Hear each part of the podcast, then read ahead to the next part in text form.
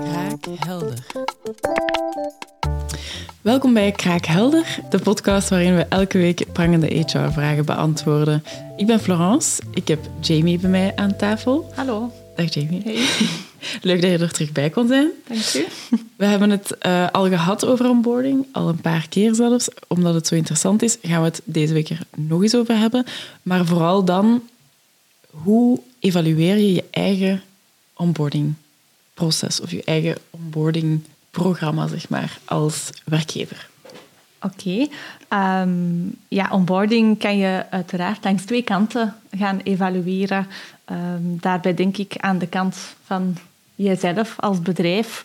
Ehm, durf zaken kritisch in vraag stellen. Uh, doorloopprocessen. Bekijk, kunnen we het korter doen? Kunnen we het beter doen? Hoe kunnen we bepaalde zaken uh, op een andere manier uh, bijvoorbeeld aan de kaart brengen?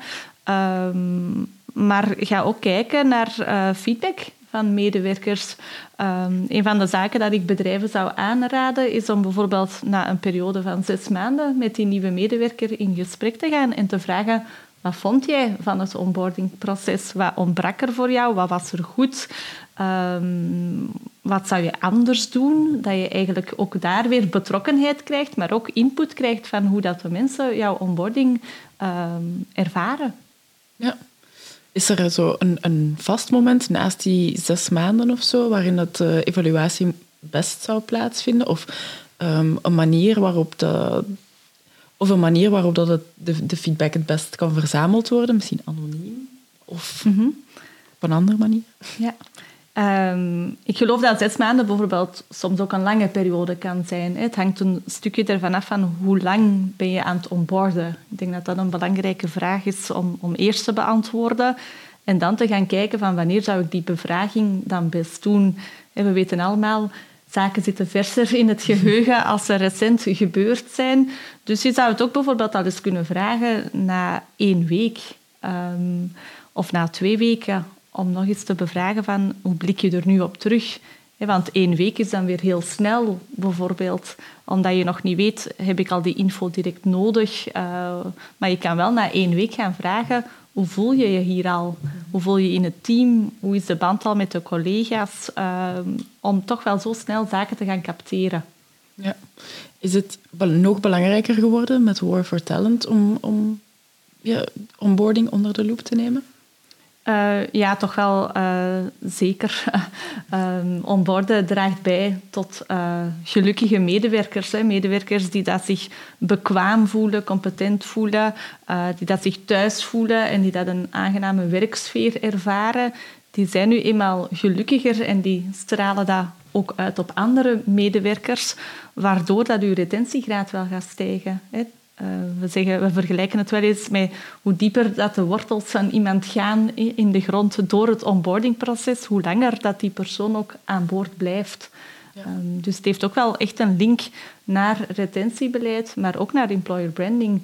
Uh, mensen vertellen over een goede onboarding of vertellen dat tegen collega's en zo gaat dat weer verder. Oké. Okay. Is het een onderwerp voor tijdens een, een, een bij een exitgesprek van iemand? Um, goh, je zou het nog eens terug kunnen bevragen, maar vaak zit er wel veel ruimte uh, tussen.